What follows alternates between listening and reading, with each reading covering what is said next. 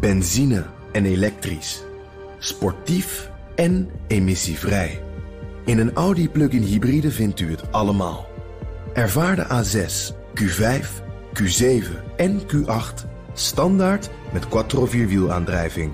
Wat u ook zoekt, u vindt het in een Audi. Audi. Voorsprong door techniek.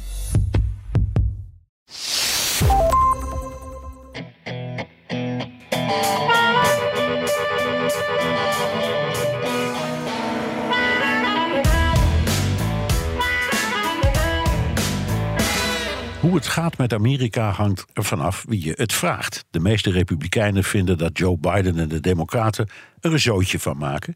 De gemiddelde Amerikaan, dus ongeacht de partij, is ook niet erg onder de indruk. Maar Biden zelf vindt dat er onder zijn leiding enorme vooruitgang is geboekt.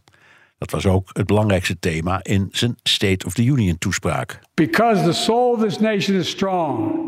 Because the backbone of this nation is strong. Because the people of this nation are strong.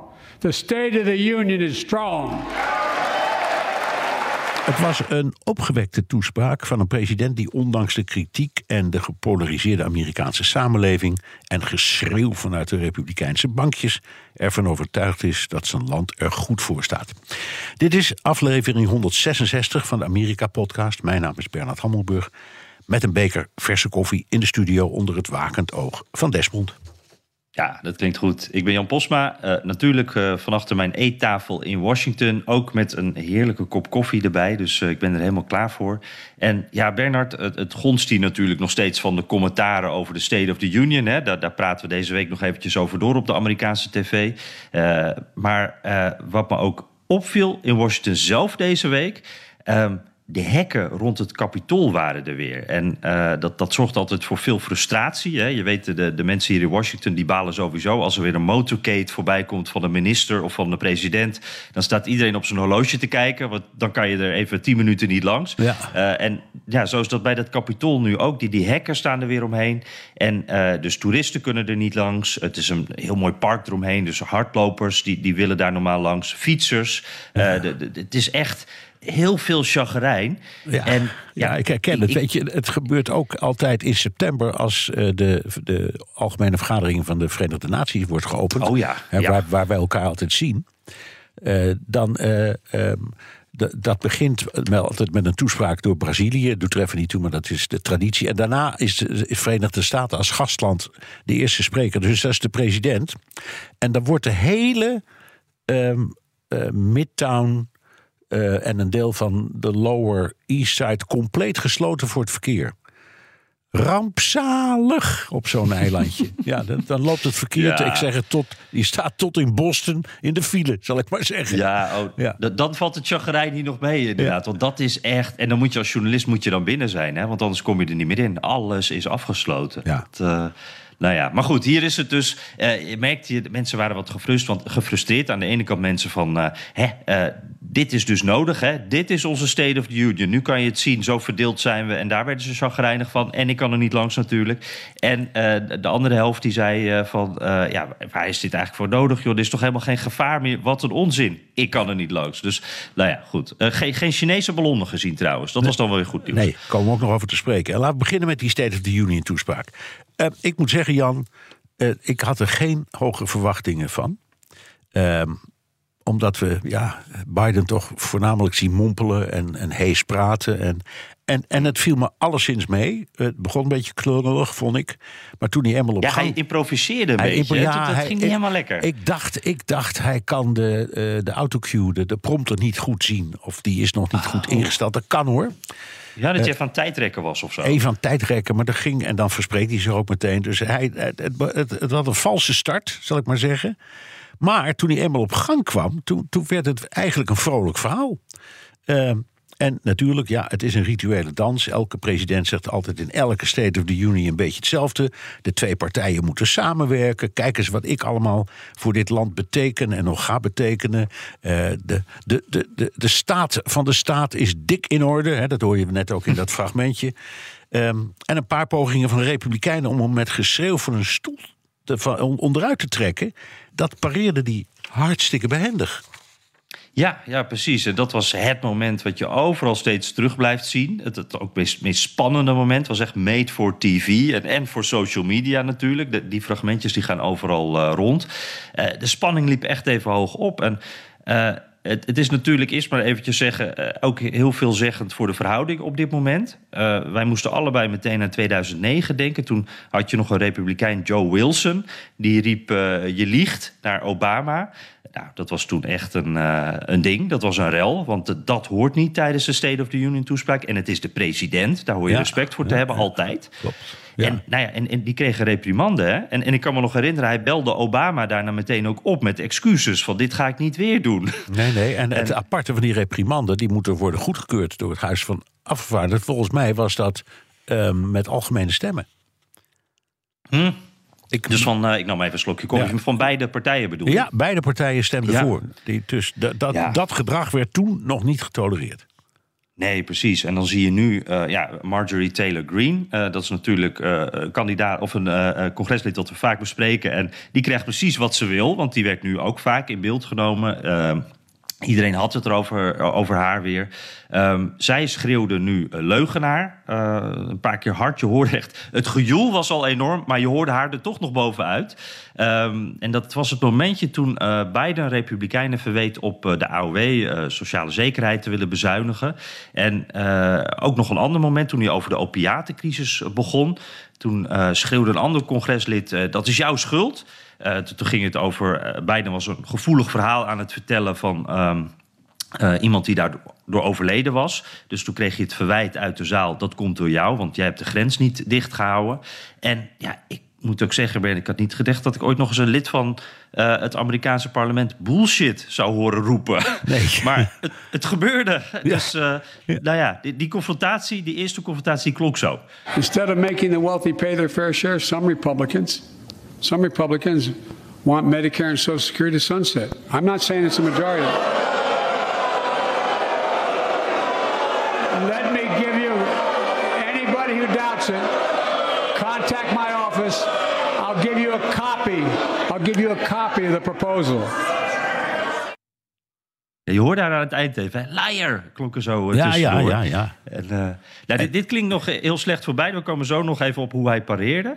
Uh, uh, maar, maar, we hadden ook een, een, mooie luisteraarsvraag hierover hè, van Niels Vos. Sluit al een beetje aan met waar jij net al een klein voorzetje voor gaf. Uh, hij vroeg zich af: is er geen gedragscode voor dit soort uitspraken of uh, toespraken, zoals uh, bijvoorbeeld in de Tweede Kamer in Nederland, waardoor er disciplinaire maatregelen kunnen worden genomen? En jij zei al, bij die vorige man was er dus consensus onder beide partijen. nu heb ik niks gehoord. Nee, over maar er is, nee, nee, en het is, ik vind leuke vraag, Niels, omdat het inderdaad, ja. het speelt in Nederland ook. Er zijn een paar excessen geweest, zullen we maar zeggen. Of um, hele grove, beledigende uitspraken uh, door Forum voor Democratie. En het is ook al wel eens gebeurd met uh, Geert Wilders van de PVV. -hmm. Die heeft ook wel eens um, Rutte uitgemaakt voor leugenaar in een debat. En uh, het, knap, het, knappe van Rutte, dat vond ik, en dat deed Biden eigenlijk ook een beetje nu hoor. Dat, dat uh, Rutte zei toen nou dat hij blij was dat hij in een land leefde waar in, het, in een parlementair debat gewoon mensen kunnen, gewoon kunnen zeggen wat ze vinden. En ging hm, over tot de orde van dag. Heel mooi gepareerd dus. Um, en er bestaat geen code. En er is, naar aanleiding van die uh, excessen in Nederland, hele, zijn er hele debatten geweest om de voorzitter hè, uh, van de Kamer, als het ware, te helpen bij het vaststellen van waar ze nu precies de grens moet trekken. Uh, de, mm. Er is wel iets van. Uh, de, de, er is wel een pamflet waar iets op staat. Maar dit soort dingen die gebeuren dus hier ook. Ja, en niemand weet hoe je ermee omgaat. Dus inmiddels is dat. Die zijn ingevoerd. Laat ik het de kortste versie. Er zijn dus bepaalde regels ingevoerd. Je kan niet alles zomaar meer zeggen. Uh, ja, want maar, in, in Amerika heb je dus zo'n decorumregel eigenlijk. Dat ja. altijd respectvol, uh, dat het niet persoonlijk mag worden, dat soort zaken. Ja, precies. Nou ja, en er is, ja. er is nog iets, dat is de andere kant. Dit zijn, ook in Nederland en ook in Amerika, dit zijn mensen die zijn ge gekozen door het volk. Uh, dus die behoren wel bij een partij, maar dat is niet het criterium. Partijen doen er grondwettelijk helemaal niks toe. Ze zijn gekozen, in, de, in het Amerikaans geval, in een district. Hè, te, die uh, Marjorie Taylor Greene die komt uit uh, Georgia. Georgia, ja. ja. En dat district heeft haar gekozen. Ehm, en ze, die hebben haar. En dan, dan, dan zeggen de meeste democratische stelsels, zoals Amerika en zoals Nederland en ook andere. Ja, dan kan iemand met meer wegkomen dan een gewone burger. Want die, die wordt misschien meteen opgepakt wegens belediging of smaad of noem het allemaal op. Maar omdat je bent gekozen door het volk, ja, heb je ietsje meer ruimte. En dat vind ik het is een fascinerende discussie. En ik vind het een uitstekende vraag. En het, ik, ik weet eerlijk gezegd het antwoord niet. Want ze hebben uh, in Amerika, bij mijn weten, over deze zaken verder niet een debat gevoerd of zo. Van mag dat wel, kan nee, dat wel? Ja, want ik weet wel, die decorumregels, dus die zijn er. En wat ik heb begrepen is dat uh, uiteindelijk moet dan iemand aan de bel trekken. En diegene is in dit geval Kevin McCarthy, de leider van de, of, nou, de, leider van de Republikeinen. Maar ook de House Speaker op dit moment natuurlijk. Dus de man uh, die eigenlijk uh, die Kamerleden in bedwang moet houden. En ja, die doet dat ook niet. Dus ja, nee. dan houdt het ook ja, een beetje op. Als de voorzitter niet ingrijpt, ja, dan is het inderdaad lastig.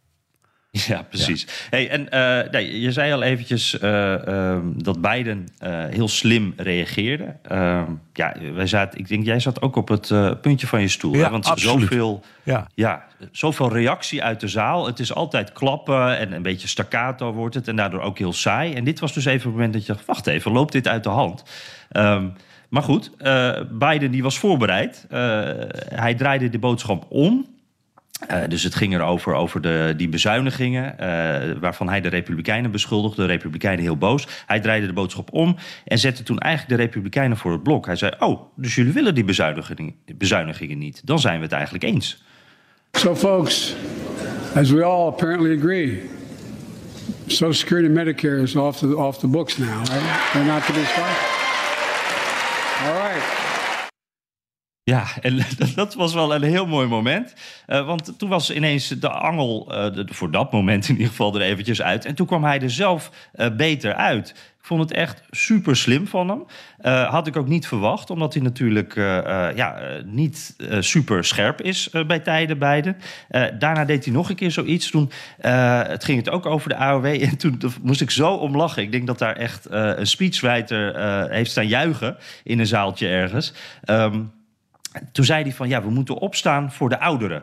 En toen ging natuurlijk iedereen opstaan en klappen. Uh, ook Kevin McCarthy, iedereen. Uh, ja, dat kan natuurlijk niet anders. Uh, je kan niet anders do doen dan, ja, ouderen, dat zijn ook mijn kiezers. Daar moet ik voor gaan staan, daar moet ik voor gaan klappen. maar het ging natuurlijk impliciet ook over die AOW. Dus dat was echt een heel mooi moment. Ja, ja, ja, ja. het was inderdaad.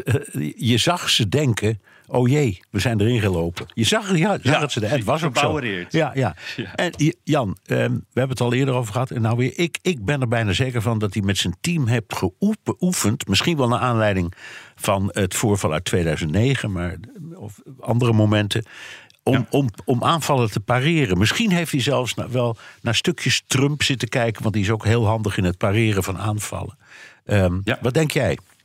Ja, absoluut. En, en ik denk, want in 2009 toen zat hij natuurlijk als vicepresident en, en voorzitter van uh, de Senaat zat hij achter Obama. Dus hij heeft dat moment uh, zelf meegemaakt. En vorig jaar was natuurlijk ook uh, die Trump-vleugel heel luidruchtig tijdens, tijdens zijn toespraak. Dus ja, zeker. En uh, het was gewoon voorspelbaar, denk ik, dat zo'n Marjorie Taylor Greene zoiets zou doen.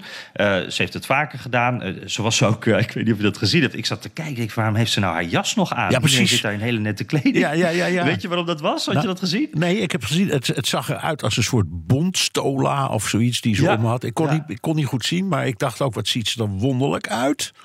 Ja, en dat bleek dus, daar zat een verhaal achter. Ze was gekleed in een witte jas als protest tegen hoe Biden om was gegaan met die Chinese ballon. Dus dat was een, uh, een stuntje. Ja. Ja, ja, ja. Nou, dat is, nog, ik, dat ik, is nog wel geestig, laten we eerlijk, eerlijk is eerlijk. Ja, ja, ja, ja. precies. Maar het zag er ook wat gek uit. Ik van, nou, iedereen zit hier in nette kleding en zij zat uh, dik in, in wit, ik geloof alpaca, uh, ja, vacht, bont, ik weet niet wat het is. In ieder geval. maar dat was even een zijweggetje. Biden had dit, zag dit dus wel aankomen. Team ook natuurlijk. En, en ik denk dat hij dit heel slim gedaan heeft. Want hij creëerde zo contrast. Uh, hij is hier de president die de handreiking doet. Hij begon de toespraak ook met letterlijk uh, Kevin McCarthy natuurlijk een hand te geven en hem te feliciteren en te zeggen: Ik wil met u samenwerken. En uh, de Trump-vleugel van de Republikeinse Partij joelt hem uit. En daardoor hoefde Biden er zelf helemaal geen woorden aan vuil te maken. Dit was eigenlijk show, don't tell. En hij kwam er uiteindelijk zelf beter uit. Dus ja, je hoorde dat fragmentje wat we helemaal aan het begin lieten horen. Hè, dat was eigenlijk een beetje, dat is dan altijd het de uitsmijter van uh, de State of the Union speech. Dat, dat uh, de Union strong is. Daar kwam hij al niet helemaal uit. Daar stuntelde hij al een beetje. Hij stuntelde meer, maar dat gestuntel hebben we amper teruggezien. Het draaide echt om dit moment. Hier was hij mes scherp. En ja, hij, hij, dit moment, hiermee heeft hij eigenlijk deze toespraak een succes gemaakt, ja, uh, en, denk ik. En, en hoe reageerde de, de, de, de, de linkse en de rechtse media, om het maar even simpel te houden? Ja, ja, ja. Nou ja, goed. Dat, dat is uh, ook wel voorspelbaar natuurlijk. Want jij begon al met uh, hoe goed het met dit land gaat. Hangt er vanaf aan wie je het vraagt. Ja. Uh, op CNN waren ze hier lyrisch over. Vonden ze het echt fantastisch. ik heb MSNBC ook nog even gekeken. Ook natuurlijk positief. Fox News hoorde je echt, echt een heel ander verhaal. Daar ging het er alleen maar over ja, alle dingen die Biden had gezegd die niet klopten. En daar ging het er heel erg over. En dat is nog wel interessant. Biden die uh, beschuldigde de Republikeinen dus van die uh, bezuinigingen.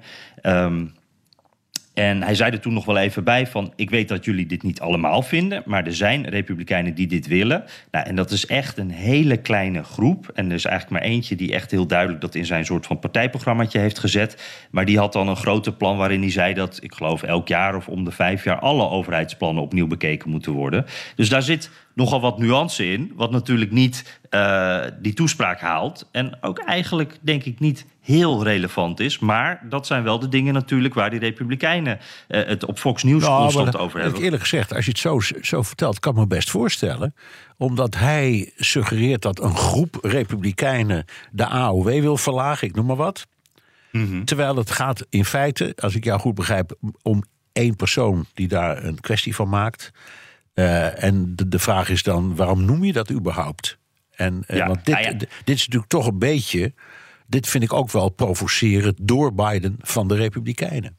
Zeker. En dat, dat is ook, en daar, dat is ook een reden waarom wij weten dat dit niet toevallig was. Hij lokte dit uit. Hè? Ja. Hij wilde dit ook. En, en dat, dat, daar zit echt een politieke gedachte achter natuurlijk. Maar ik moet wel zeggen, die Republikeinen die flirten, niet de meerderheid, maar er is gewoon een groepje Republikeinen dat regelmatig flirt met dit soort plannen. En uh, dus ze doen nu alsof ze er nooit, uh, het er nooit over gehad hebben en dat het echt nooit een idee was. Nou, dat is echt niet waar. Er wordt af en toe wel mee geflirt. Alleen is het natuurlijk niet iets waar je uiteindelijk heel graag op gewezen wordt tijdens een State of the Union. Hey, bovendien, dus zij... goed, je, moet, je moet dat ook uitleggen aan de kiezers in je district. En er zijn een heleboel oude kiezers. En als er aan hun Social Security wordt gemorreld.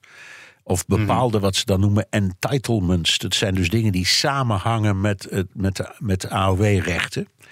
Daar willen ze aan, aan, aan, knoeien. En dat gaat dan misschien over Medicare, Medicaid, dus, dus dat soort dingen. Um, mm. En dat is eigenlijk een standaard uh, republikeinse babbel. Want die, die zeggen altijd uitkeringen moeten omlaag en de belastingen moeten omlaag. En Precies. de, en, in en de inkomens moeten omhoog. Ja, hè? Ja. Ja. maar het zijn dan van die dingen. Uh, het klinkt heel stoer, maar net als toen met Obamacare. Hè, toen waren die Republikeinen ook allemaal van. Ah, dat moet weg. Maar toen spraken ze met hun eigen kiezers in hun kiesdistricten. En toen schrokken ze toch een beetje van de reacties. Want mensen merken dat gewoon echt. En, uh, en ja, daarom is het ook zo slim om voor beide natuurlijk om hierover te beginnen. Want dit, dit is iets wat mensen echt raakt. Ja. En. Uh, ja, het, uh, maar goed, het, het, is dus een heel duidelijke. Die, die, Republikeinen die vinden ook echt dat, dat Biden zich hier compleet mee gedisqualificeerd heeft met deze toespraak. Uh, de New York Post, hè, die, die had groot op de voorpagina dat Biden helemaal afging. En, en dat het een, uh, een de, nou, ik geloof de liar in chief zo'n beetje was. Ja. Dus op dat punt ook, ja, je weet hoe ze gaan reageren. Het maakt bijna niet uit wat er gebeurt in die zaal. die reacties zijn toch wel altijd hetzelfde. Ja, ja. En het was een, een opmaat tenminste daar, dat vond ik, zo, zo hoorde ik het, van zijn voor kandidatuur voor 2024. Kunnen we, Jan, zeggen dat het een soort aftrap was voor zijn campagne? Um, uh, ook al omdat in die toespraak, die ging bijna helemaal over binnenland en, en het buitenland, hè, Oekraïne en de, en de luchtballonnen, zo, dat kwam helemaal pas aan het einde. En dan denk ik, ja, ja. Hij, is, hij is duidelijk bezig. Kamp, hij begint een campagne en een campagne begint met binnenlandse kwesties. Ja, ja, precies. En daarmee was eigenlijk de, de State of the Union van vorig jaar ook wel een uitzondering. Hè? Dat ging heel erg over Oekraïne. Dat was echt front en center. Dat vond toen toch wel verrassend. En, Ja, eh, maar, dat was, toen, dat- was die oorlog net begonnen ook. Hè? Ja, ja. Ja, klopt. Maar ik, ik weet niet hoe je, wat jij dacht. Maar ik dacht van tevoren toch wel... Nou, Oekraïne zal nu ook wel misschien niet het eerste... maar wel het tweede. Ik had echt verwacht dat dat wel een grotere rol zou krijgen. Ja, ik ook. eh, Ik zat, ik zat er eerlijk gezegd een beetje op te wachten. En, en was, we zeggen, toch, toch gerustgesteld toen het uiteindelijk toch kwam. Ja, toen we bijna op een uur zaten, geloof ik. Dus, klopt. eh, ja. Maar goed, eh, nee, inderdaad. Ik, dit was echt een campagne-speech. Eh, let's finish the job. Hè, dat kwam iets van twaalf keer terug, geloof ik. Dat kan natuurlijk over de komende twee jaar gaan. Maar dat kan, ja, dat kan ook daarna gelden. Dat, zo zo lezen, leest iedereen dat ook wel. Ehm, ja, we weten het eind- uiteindelijk niet zeker. Hè. Er worden voorbereidingen getroffen. We weten dat er een team is gevormd. Er wordt ook gelekt vanuit Bidens omgeving... dat hij het nog een keer wil gaan doen. Ehm, het, het, alle seinen lijken op groen te staan, maar het moet ook nog wel gebeuren. En dat is natuurlijk, eh, ja, we gaan dat in de komende weken ergens eh, horen. Eh, al die voorbereiding moet je natuurlijk ook doen, ook als je het niet gaat doen. Maar ja, het, lijkt er wel op hè, dat het gaat gebeuren. Ja, ik, ik, ik heb ook de indruk dat hij zich warm loopt. Eh, maar hij, hij, je, je liet in, eh, in, in BNR De Wereld een fragmentje horen... waarin hij werd geïnterviewd, ik geloof door de publieke televisie, PBS. Ja, klopt, de PBS. Ja. En, en ook dat was weer een beetje vaag. Van ja, ja, het kan wel, maar het kan ook niet. Ik weet het niet. Eh, Je hoort nog van me. Zoiets, hè? Ja, ik, ik heb de intentie, maar het besluit is nog niet genomen. Ja, dat, dat- ja wat moet je ermee? Hè? Ja, eh, oké, en dan moet je ook altijd afvragen: we hebben over, wat is de betekenis van de State of the Union? Hè? Dat, dat klinkt nu heel raar, want we praten er nu al twintig minuten over. Eh, ja. Maar meestal is het zo, in, in, in mijn herinnering, dat zo'n State of the Union is een enorme piek in het nieuws. De hele, het hele land en het buitenland, iedereen praat erover. En een, en een week later weet niemand meer precies waar die over ging. Nee, dat is helemaal waar. Het is hele steile piek, hè? Het Hele heel steile snel, piek. eh, ja, heel snel mogelijk. Ja, En af en toe een uitzondering. De beroemdste uitzondering uit de recente tijd is natuurlijk George Bush met zijn Axis of Evil. Oh ja, dat bleef echt hangen. Dat ja. bleef even hangen. En, en, en nog veel langer geleden in, in, in de jaren tachtig Ronald Reagan met de Evil Empire. Dat, dat, was, dat was de Sovjet-Unie. Ehm, eh, achteraf kun je zeggen dat ze allebei gelijk hebben gekregen trouwens. Maar goed. En Eh, allebei buitenland onderwerpen En allebei waren, dat dat ja, blijft hangen. waren- ja, dat is, maar goed, voor de rest blijft er eigenlijk nooit iets hangen.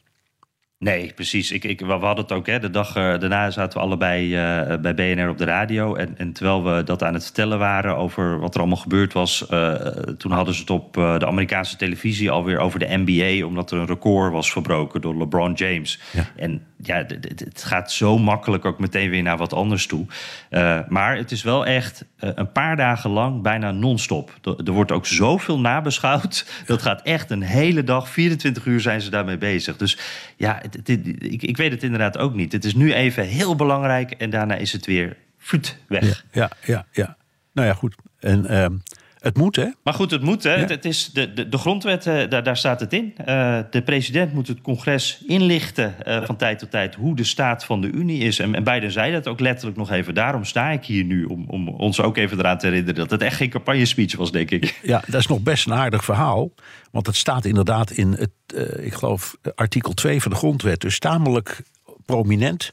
Hè, dat de president verantwoording moet afleggen. Eh, en moet vertellen hoe, hoe staan we ervoor.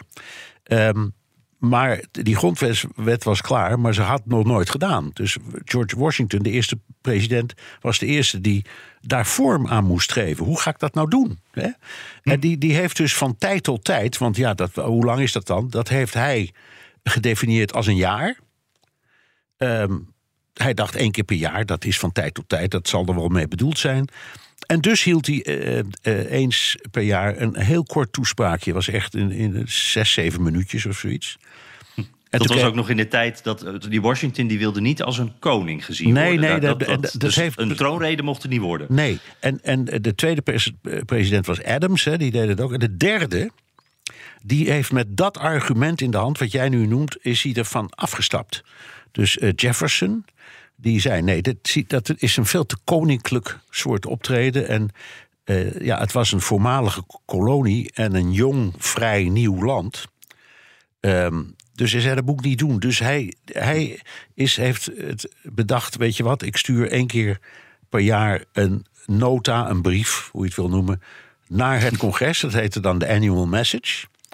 Eh, en zo is het een, eeuw lang ook ge- ge- gebleven. Dus het congres kreeg keurig een brief van de president... waarin hij eh, vertelde hoe het ging met het land. Ik, ik moet er wel om lachen, Bernard. Want eh, nu ik dit zo weer hoor. Ja. een van de kritiekpunten, ook dit jaar. Er is altijd discussie over. Was weer van. moet dit nou allemaal? En, en iemand vatte dat samen als. This could have been an email. En Ja. ooit was het dus een soort e-mail. Het was een soort e-mail, precies. Dat was helemaal, dat klopt. Eh, en het, dat heeft geduurd een eeuw lang tot, tot 1913. Ehm, en toen heeft Woodrow Wilson als eerste weer een toespraakje gehouden voor het congres. Ehm, en eh, Franklin Roosevelt, dat, dat was dus eh, in het midden van de jaren 30, die heeft de, de titel State of the Union bedacht. Daarvoor heette het dus Annual Message. Ehm, maar die hebben de. En, en toen kreeg je in, in, in, in 1947 eh, Truman, en dat was de eerste. bij wie je het live kon zien op de televisie. Die toen eh, in Amerika al behoorlijk groot begon te worden, hè, televisie. En eh, in, in, in het begin van de jaren 60 kwam Lyndon Johnson op het idee om het dan s'avonds te doen. eh, in primetime. En dat ging puur en alleen, alleen maar om, om de kijkdichtheid. De, en, en de moderne vorm, dus met al dat spektakel wat ze tegenwoordig hebben... met de First Lady die boven zit... en daarnaast een speciale gast en het Hoge Rechtshof... en alle generaals, ehm, dus alle houten en gasten... die worden ook vaak toegesproken door de president. Dat is eigenlijk sinds Reagan pas, dus dat is helemaal nog niet zo lang. Ja, de, de, de man die zelf natuurlijk ook veel showbiz en tv-ervaring had, die, die heeft daar dus ook wat meer een showbiz Ja, show van gemaakt. Ja, maar ik herinner me ook wel, dat was het, dat was het op zichzelf ook wel begrijpelijk. Er was ehm, een, in, in, in de winter, hè, dat is, de- deze tijd is ijskoud bij jou daar in Washington. En eh, toen- was er een vliegtuig van ehm, National Airport, wat nu Ronald Reagan Airport heet. Oh, in de op, terechtgekomen. opgestegen. En ja, en, ehm, eh, en de- die is vlak na de start, de baan. Eh, net één brug over. Je weet, er liggen er vier of vijf bruggen naar, over de Potomac. En die heeft er net één gehaald. En toen is hij in, in, de, in de Potomac gestort. En toen is er een man die daar langs de kant stond, zo in het ijskoude water gesprongen om eh, mensen te gaan redden. En die man die zat dus naast Nancy Reagan op een erestoel eh, bij de State of the Union, omdat Reagan terecht zei: Kijk, eh, dit is nu wat een held is. Zomaar iemand die denkt: Ik ga wat doen. Dit, dit, Ja. ik, ik Oh, moet kijken. Ja. Dus, en, en daarna is het eigenlijk elk jaar. Er zit altijd wel eh, een beroemde soldaat. Of eh, iemand die zwaar gewond is en toch nog leeft. Of iemand die Ja. een, een medicijn heeft uitgevonden tegen een of andere vorm van kanker. Er is altijd wel iets. Ja, er was nu een man die, die had het pistool uit een, eh, eh, de hand van een schutter eh, gehaald. Hè, bij zo'n Ja. mass shooting in Californië. Ja, Die, die mocht ja. ook even opstaan. Ja, fantastisch. Ja. Ja, hey, waar ik weet je, daar kwam ik deze week achter, Bernard. Dat C-SPAN, hè, die kennen we, die, die, die zender die alles uitzendt wat in Washington gebeurt. Die hebben dus een waanzinnig archief. En, en daar kan je online tot Truman alle speeches terugkijken. Ach, wat leuk. Echt heel erg leuk. Ja. Dus tip voor de kijker. Oh ja, dat wist ik niet, joh. Nee. Nee, ja, ik kwam daar ook achter, want die delen dat dan op Twitter. En ik zat dat eens op te kijken. En ik denk, jemig, want tot Truman dus terug. Nou, Ja. je noemde al, Ja. dat die deed het op voor de tv. en, zelfs nog beelden van FDR. Ja dat, dat, ja, dat zou kunnen. Want daar zijn wel filmopnamen van gemaakt. Maar die deed het nog, ik dacht, op de radio. Maar dat weet ik niet meer helemaal zeker. Ja, dat zal wel. Ja, ja, ja, ja. ehm, en dat is gefilmd. Goh, wat leuk. Dat C-SPAN is overigens net zoiets als eh, bij ons. Ik geloof dat het NPO Plus heet of zoiets. Of Ja, N- Politiek 24 of zoiets. ja, 24 of politiek. Dan kun je dus eh, alle politieke eh, debatten live volgen. En die spelen ook vaak weer dingen terug. Dus eh, zoiets is Ja. dat. Ja. Hey, en, en tenslotte nog even wat ik echt eh, grappig vind. Hè? Want je hebt het erover over die, ja, hoe dit veranderd is door de jaren heen. Eh, de, de staf van verschillende presidenten die, die zeggen steeds van ja, we moeten hier eigenlijk ook van af. Het werkt niet meer zo. Er kijken ook steeds minder mensen. Komt ook natuurlijk omdat steeds minder mensen tv kijken. Doen we op een andere manier. Maar eh, het gaat ook. Ja, het is veranderd gewoon. Het gaat nu steeds meer om momenten die dan op social media worden gedeeld. En zo kom je dan, zoals dat moment wat wij net besproken hebben, eh, uit het begin. Dat wordt dan gedeeld. De rest maakt niet zoveel meer uit. Nee. Eh, ik, ik, ik- er moet wel weer, zoals met Reagan en zoals met al die andere momenten, er moet weer eens wat veranderen, heb ik het gevoel. Hè? Ja. Maak het nou korter bijvoorbeeld. Ja. Het is zo, het was een uur en twaalf minuten volgens mij deze keer. Ja, precies. Eh, Ja, dus zeg maar vijf kwartier ongeveer. En de, de recordhouder was eh, Bill Clinton. Hè? Die heeft geloof ik eh, een uur en bijna veertig minuten achter elkaar doorgepraat. Dat is uh, Castro-achtig. Het was een. Castro, was een soort Castro. Ja, nou ja, Donald Ja. Trump kon er ook wat van, hè? Met de Ja, toespraak. ja. Jongen, jongen. Ja. Ja. Ja, ik zag de eerste Bush, die deed het in drie kwartier. Ik, ik, ik, zit natuurlijk altijd met een deadline dan, want we willen het op de radio ook vertellen. Dan 's ochtends vroeg. Ik denk altijd, schiet nou op man. Ja. Dat is niet zo lang. ja, precies. Ja. Hey, eh, we moeten nog even over die ballon hebben ook. Hè? Want dat was, eh, zeg maar, eh, voor de State of the Union was dat het verhaal hier. Ehm, en in die State of the Union zat het ook. Maar het kwam pas helemaal in die laatste tien minuten. Wij zaten er allebei op te wachten. Ik zei al, Oekraïne was vorige keer front en center. Nu helemaal aan het eind. China en die spio- spionageballon die kwamen wel langs. Maar het werd eigenlijk, ja, er was wat harde taal voor Xi Jinping, maar die ballon die werd alleen maar indirect genoemd. Eh, Republikeinen waren daar niet blij mee, sowieso met de hele re- reactie van de beide regeringen. Hadden ze daarin een punt? Ehm, ik vind eigenlijk van niet. Ehm, want wat hier is gebeurd, wat, wat, een, wat die kwestie zo enorm groot is, eh, heeft gemaakt, is dat die ballon door een burger met een goede verrekijker was gezien. Ehm, en die dacht dat het een UFO was. Dus een vliegende schotel of weet ik wat, zoiets. Eh, en daardoor werd het groot nieuws. En toen riepen de Republikeinen Biden eh, meteen op om dat ding uit de lucht te schieten. Ehm, maar het Pentagon eh, zei: nee, dat moet je niet doen. Je moet even wachten, want het is zo'n groot ding. Dit ding was 65 meter in doorsnee. En, Drie en- bussen, zei Ja, drie, drie bussen, maar het is een enorm gevaarte. Dus het Pentagon zei: ja, je kan het wel kapot schieten, maar dan vallen de brokstukken ergens neer. En dat hebben we niet in de hand. Dus wacht nou even tot hij boven de Atlantische Oceaan is, maar dan wel nog in ons territoriale gebied. Dus dat hebben ze afgewacht. En ze hebben hem inderdaad binnen de 12 mijlzone van Amerika uit de lucht geschoten in zee. Dus eh, ja, ik, ik vind dat die, die kritiek is eigenlijk niet, eh, niet terecht. Nee, want als je ook de, de experts hoort en het Pentagon hoort, het klinkt eigenlijk, ze hebben er een goede uitleg bij, eh, lijkt het dan. Want de veiligheid inderdaad, al dacht ik daar wel bij, eh, was het nou, eh, Mi- Min- nee, welke staat was het nou waar het boven hing? Minnesota, geloof ik. Nee, nee, nee, Montana.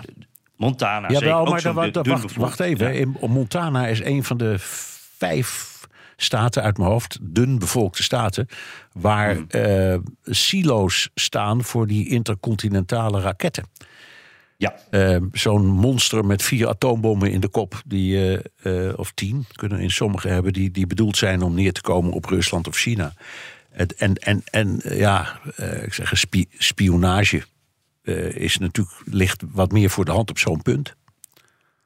Ja, ja en nee, inderdaad. Maar eh, de, de, dan wordt. eh, ik vraag me dan wel af: van, raak je daar dan ook zo. Kan je, ja, dat kan je toch wel veilig neerschieten.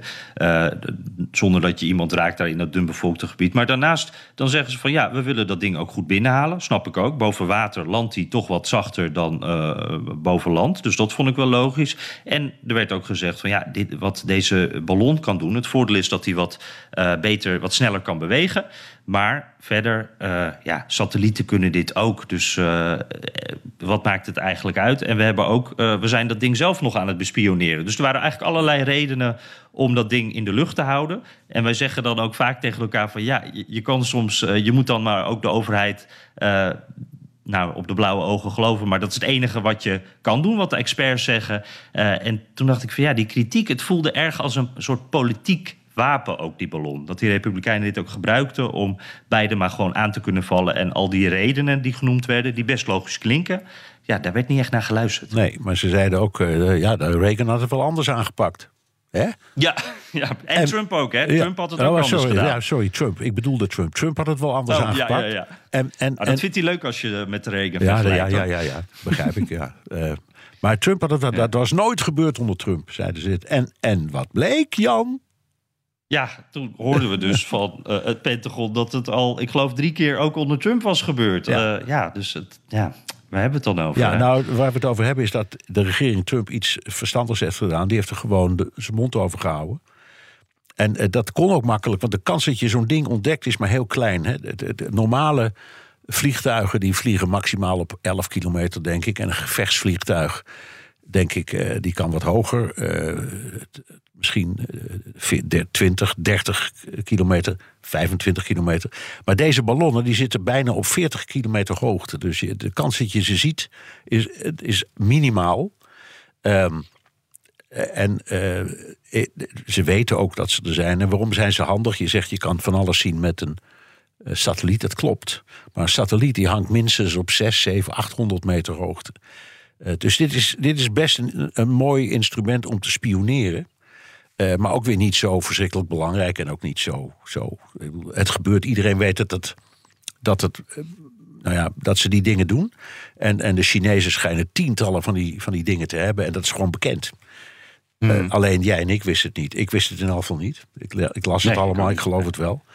Ehm, maar alles wijst erop dat China en Amerika eigenlijk dit hele incident willen begraven. Denken, jongen, we moeten dit niet buiten proporties blazen. Het, het gaat niet om. Het, het mag de relatie niet te veel ehm, ja, ver- vertroebelen. En, en, en iedereen herinnert zich nog dat een jaar of tw- twintig de- geleden, want dat weet ik nog wel, is er een Amerikaans spionagevliegtuig, let op, geen ballon, maar toch, spionagevliegtuig, boven China tegen een Chinees gevechtsvliegtuig gebotst. Dat was dus een bloedbad in de lucht. Veel ernstiger, maar ook toen hebben de regeringen geprobeerd om dat stil te houden. Sterker nog, dat was de regering Bush 2. En die heeft toen geprobeerd contact te leggen met de Chinezen. En die, die hebben gewoon een week lang de telefoon niet eens opgenomen. Echt waar, dus, dat kun je terugvinden. En achteraf Ja. dacht ik, dat is heel slim. Laat, laat maar even gaan. Hebben even, Hmm. Meneer Bush zetten we even in de wacht. Is echt gebeurd hoor. Hmm. Ja, interessant. Ja. Nou ja, dit, dit is. eh, wa- want er wordt ook meteen over. eh, dit was dan het Hainan-incident, heet het eh, volgens mij. Da- daarvoor had Ja. je U2. eh, heel YouTube, lang ja, maar dat, was, dat was Gary Powell en dat was boven Rusland, boven de Sovjet-Unie. Ja, ja, inderdaad. En, ik, en ik moest ook meteen een, een beetje denken aan Sputnik. Eh, met het, want dat was de- die, die eerste satelliet die boven Amerika hing. En die, die, daar daar kwamen piepjes uit. En daar waren mensen heel gestrest over in Amerika dat Rusland dat kon. Eh, ik, ik zag hier een soort gemaakte eh, hysterie, maar dan vooral politieke hysterie. Ja. Die werd opgewekt door rechts-Amerika. Terwijl uiteindelijk zo'n ballon ja, niet Ja. zo dreigend is als werd voorgedaan. Nee, eens. Ja. Nou goed. Hey, en, eh, maar goed, die reis van Blinken naar eh, G die werd uitgesteld. Ehm, ja, dat gaat vast nog een keer wel gebeuren, Ja. maar nu even niet. Hè? Nee, dat gaat gewoon door. Eh, alleen, ze, ze konden nu gewoon door de omstandigheden zeggen... dit is niet handig om nu daarheen te gaan en mooi weer te spelen. We moeten even wachten. Wat trouwens best een leuke woordgrap is, bedenk ik nu... want de Chinezen zeiden dat het een weerballon was. Maar oké. Mooi. Jan, Jan, we gaan zo verder. Maar eerst onderbreken we de Amerika-podcast even voor een mededeling. Benzine en elektrisch. Sportief en emissievrij. In een Audi plug-in hybride vindt u het allemaal. Ervaar de A6, Q5, Q7 en Q8 standaard met quattro vierwielaandrijving. Wat u ook zoekt, u vindt het in een Audi. Audi. Voorsprong door techniek. Jan, zullen we naar de luisteraars vragen? Die zijn, die zijn welkom via de mail of via de Amerika-podcast WhatsApp. Daar kun je ook je vraag of opmerking inspreken. Het nummer is 0628135020. Ja, en eh, hou die voiceberichten korter dan de State of the Union. Kunnen wij zo makkelijker meenemen. Wij proberen zelf ook korter te blijven dan de State of the Union. Maar het, eh, nou, dat wordt weer een moeilijke. Tom van Ooyen. Eh, ja, die wil het over AOC hebben. Alexandria Ocasio-Cortez. Een van de ja, grote sterren bij de Democraten. Ehm, hij zegt, eh, zij spreekt echt vanuit een visie... en is naar mijn idee eerlijk en realistisch in wat ze wil. En eh, ik hoop dat ze ooit de president van Amerika wordt. Zien dat, dat kan zijn meer mensen. Ze komt ze is een New Yorkse vrouw, jong. Ik geloof de jongste congreslid is. Uitgesproken links. Eh, maar dan ook echt gewoon ouderwets links. Dat ze, je zou er hier in Nederland bijvoorbeeld ook gewoon links noemen. Ehm, en eh, daar is, eh, ik vind ook een hele interessa- interessante vrouw met hele uitgesproken standpunten. Dat geeft heel veel commotie vaak. Alleen het draagvlak is gewoon te klein. Er, er is in het verleden van alles geprobeerd. Er is ooit een sociaal-democratische partij opgericht. En die had een hoop leden, maar geen, uiteindelijk is dat, die heeft nooit meegedaan aan de verkiezingen. Geen kiezers. Geen kiezers. En, en, en nou ja, zij in haar district uh, wordt, is ze herkozen. Dat is heel goed. Um, dus ik, ik vind, ik, ik zeg interessant, maar nee, wordt, die, die wordt geen president. Spijt me, Tom. Ja, ik denk wel, eh, wat, wat Tom ook zegt, ze heeft echt een enorme persoonlijkheid. Zij is eigenlijk, ik zie haar meer als een soort aanjager voor de partij. Iemand die uh, een Biden en de hele partij een klein beetje naar links probeert te trekken. Ze spreekt echt een jongere generatie aan, progressief Amerika. Rechts haat haar ook, hè? Dat, dat zegt ook wel wat over haar succes. Ja, maar, ja, ja maar dat het, punt, het probleem is dat dat geldt ook voor de eigen partij. Dus de rechtervleugel van die partij, die, die, die, uh, die kan er ook wel achter het behang plakken, zal ik maar zeggen. Ja, dat denk ik ook, ja. Dat denk ik ook. Dus uh, ja, nee, uh, leuke vraag in ieder geval. zullen we dan eens een audiovraag doen? Joop Meijer. Beste Bernard en Jan. Ik ben een enthousiast luisteraar van de Amerika-podcast. En ik ben benieuwd of jullie hebben meegekregen dat Nikki Haley zich kandidaat zou willen stellen voor de presidentsverkiezingen. Mijn vraag is: heeft zij überhaupt kans? En is zij iemand die zowel democraten en republikeinen kan verenigen? Dat ook bijvoorbeeld democratische vrouwen op haar zouden stemmen. Veel succes. Ja. Mm. Ook, ook succes aan Nikki Haley om dat te doen. Ja, we hebben, we hebben voor in de vorige podcast hebben we ook al even over haar gesproken. Of daarvoor, weet ik niet meer. Toen ze zich kandidaat stelde. Ja, de vorige jaar. Ja, ja en wij, wij, eh, wij waren wel redelijk over dat te spreken. Een, leuke jonge vrouw. Uh, heel populair. Ehm, maar eh, ook wel heel uitgesproken, want ze is eh, ja, toch uit het Trump-kamp. Uh, hoewel ze zich daar een beetje van heeft gedistanceerd. Maar ze, ze was gouverneur van South Carolina en is daarna ambassadeur geworden bij de Verenigde Naties onder Trump. Heeft daar toen weer ontslag genomen na een paar jaar. Ehm, maar in, in hele ernstige conflicten met Trump en zo, of over Trump, kiest ze toch altijd wel zijn kant. Um, en de vraag of, of je overlopers hebt van de ene naar de andere partij, die vind ik even fascinerend als Joop. Uh, omdat ik, ik, ik, snap dat proces nooit helemaal. Wie lopen er dan over? En dan hebben we het over vrouwen uit voorsteden. Die kunnen dan wel eens van de ene naar de andere partij hippen. Maar ik weet gewoon niet hoe het zit. Ik, ik heb geen idee wie die zwevende kiezer is en hoe die wordt beïnvloed. Zijn dat nou vrouwen die op een vrouw stemmen? Of moet het juist een hele krachtige kerel zijn die uh, uh, heel veel uh, stemmen krijgt onder witte mannen met een beetje buikje en een baard? ik weet het gewoon niet. Nee. En pijlers vinden dat ook steeds lastiger. Hè? Het is een kleine groep. Uh, het is onvoorspelbaar.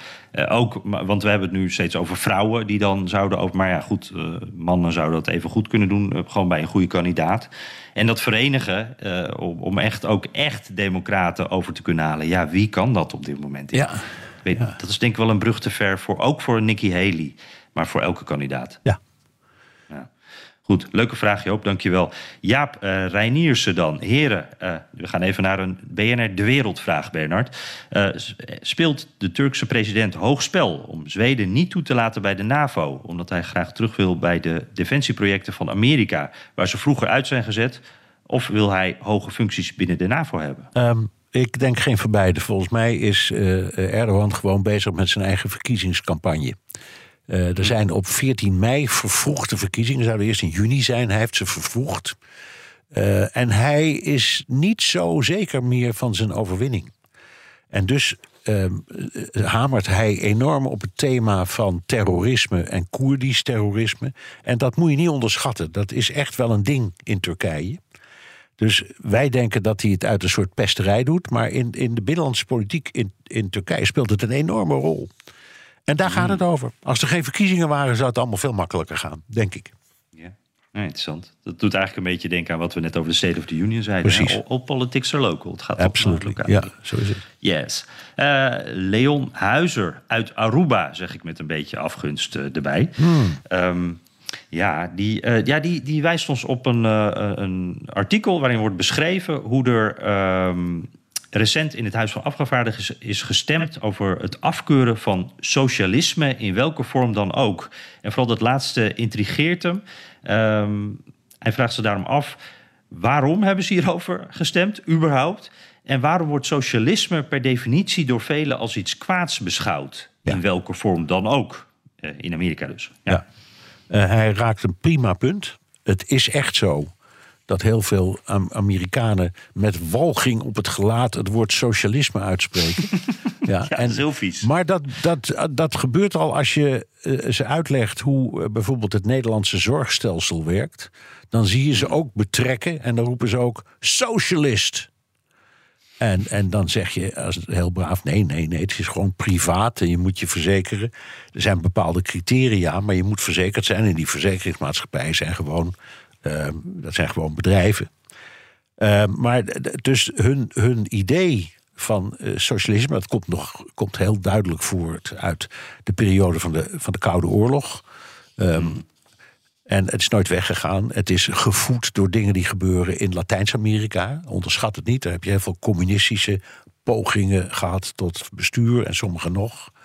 Ehm, en ze hebben het idee dat eh, dat een soort van Orwell-achtige samenleving is. Waar het recht van de burger om vrij te leven eigenlijk compleet weg is. Hoe het nou echt zit en dat sociaaldemocraten het woord socialisme ook al niet in de mond durven nemen. Laat staan communisme, want sociaaldemocraten in Europa zijn in het algemeen fel anti-communistisch. Maar die nuance kunnen ze niet aanbrengen. Dus ik, Nee, en ik heb. Ja. Daar zit ook iets, eh, want dat heeft met geschiedenis en die Koude Oorlog te maken, maar daar zit ook wel iets in het onderwijs, denk je niet, Bernard? Want eh, communisme, socialisme, marxisme hoor ik ook vaak voorbij komen. Eigenlijk heeft hier volgens mij niemand een idee wat dat betekent, Nee. maar ze gebruiken het wel om de havenklap. Ja, ze gebruiken het. Precies, dat is ook zo. En Ja.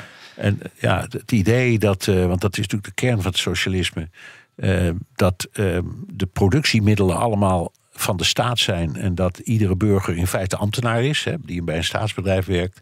Ja, dat is, eh, als, als ze dat ervan zouden begrijpen, dan zouden ze misschien nog meer walgen dan ze nu al doen. Ja, precies.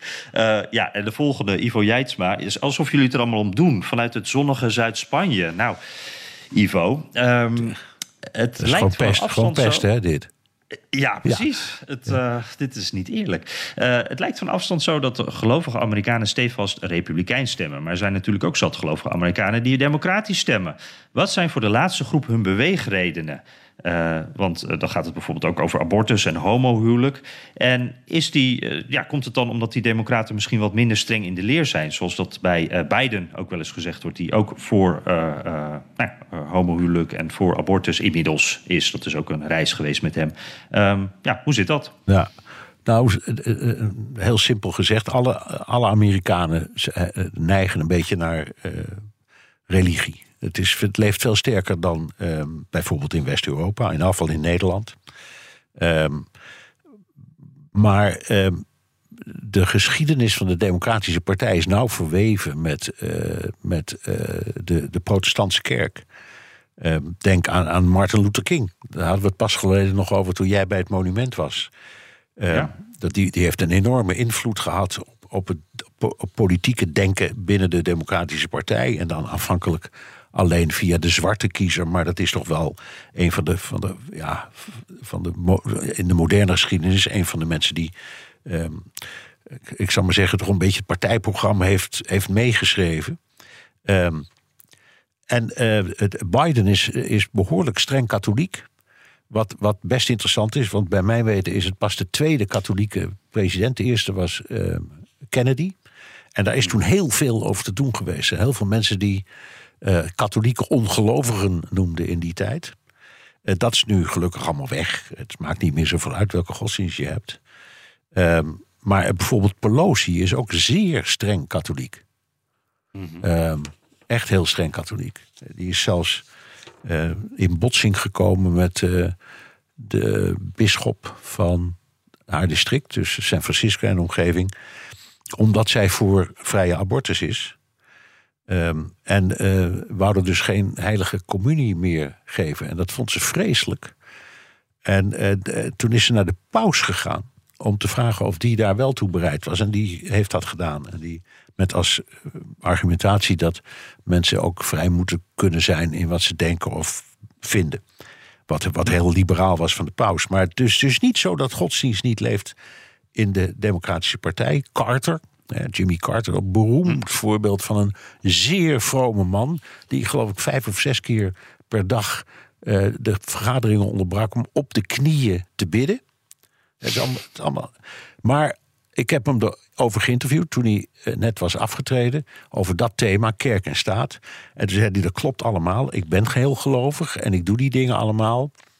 Maar u zult mij nooit betrappen op de ver- verwarring tussen kerk en staat. En dat is de crux van deze vraag. Hm. Iedereen mag eh, eh, geloven wat hij wil en net zo fanatiek of, of liberaal zijn als hij wil. Maar het, mag, het moet buiten de politiek blijven. En, dat, en, en mensen als Biden en Obama en Pelosi, eh, die democraten en Jimmy Carter, die snapten dat precies. Ja, interessant. Ik, ik sprak vorig jaar ergens in, wat was het, in Arkansas een, een abortusarts. En die was ooit bego- begonnen als zeer conservatief. Conservatief gebied natuurlijk. Was later, had een moment van eh, ja, een epiphany gehad, zei hij. Eh, want in eerste instantie wilde hij ook niet abortussen eh, plegen. Want dat was tegen zijn geloof. Hij, dat, dat, daar voelde hij, daar was hij echt heel sterk over. Maar op een bepaald moment had hij een moment dat hij dacht van... ja, wacht eens eventjes. Ehm, eigenlijk zijn er twee stromingen. Eh, je hebt de kant die heel streng is en, en de Bijbel veel letterlijker neemt en dat ook veel meer volgt en ook wat hardere standpunten heeft. Eigenlijk voel ik meer voor een wat zachtere kant eh, met een wat meer socialere kijk. En die kijk is dan, wat zou Jezus doen? Dit dacht hij dus, wat zou Jezus doen? Die zou iemand willen helpen. Dus ik moet ook iemand helpen. En ik vond dat wel een mooie uitleg, dat je een wat bijbelvastere kant hebt, een strengere kant die Ja. meer op regeltjes let en een kant die wat socialer Ja, kijkt. ik sprak hier met een eh, gelovige christen eh, ten tijde van corona. En met de vraag of hij zich had laten inenten. En toen zei hij, jazeker, ik heb me laten vaccineren... want ik wil anderen niet in gevaar brengen. Ja. Vond ik ook een prachtig antwoord. Ja. Ja. hey, eh, Bernard. Ja. ehm, volgens mij, uh, wij zitten nu precies op de lengte van een eh, George Bush senior qua eh, podcast. Ja. Zo lang was zijn State of the Union. Zullen we gaan afronden? Is goed. Terugluisteren kan via de BNR-site, Apple Podcast of Spotify. Heb je vragen, opmerkingen, kritiek of complimenten... dan kan dat ook met een tweet naar Jan Postma USA... of BNR De Wereld of heel ouderwets... met een mailtje naar dewereld.bnr.nl. En je kunt je vraag ook inspreken of intikken... op de Amerika-podcast WhatsApp 06 28 5020. Ja, en uh, welk platform je ook kiest, zet natuurlijk even je naam en adres uh, ook in de tekst. Dan maak je kans op die inmiddels beroemde Amerika-podcast koffiebeker. Uh, um, ja, we hebben wat vragen laten liggen. Maar Bas, die in Boston heeft gewoond, waar het ook koud is... dat voelt toch wel uh, wat meer solidair met ons... na al die warme berichtjes, uh, Bernard. Die gaan we volgende week doen. Dus uh, tot volgende week. Tot volgende week, Jan.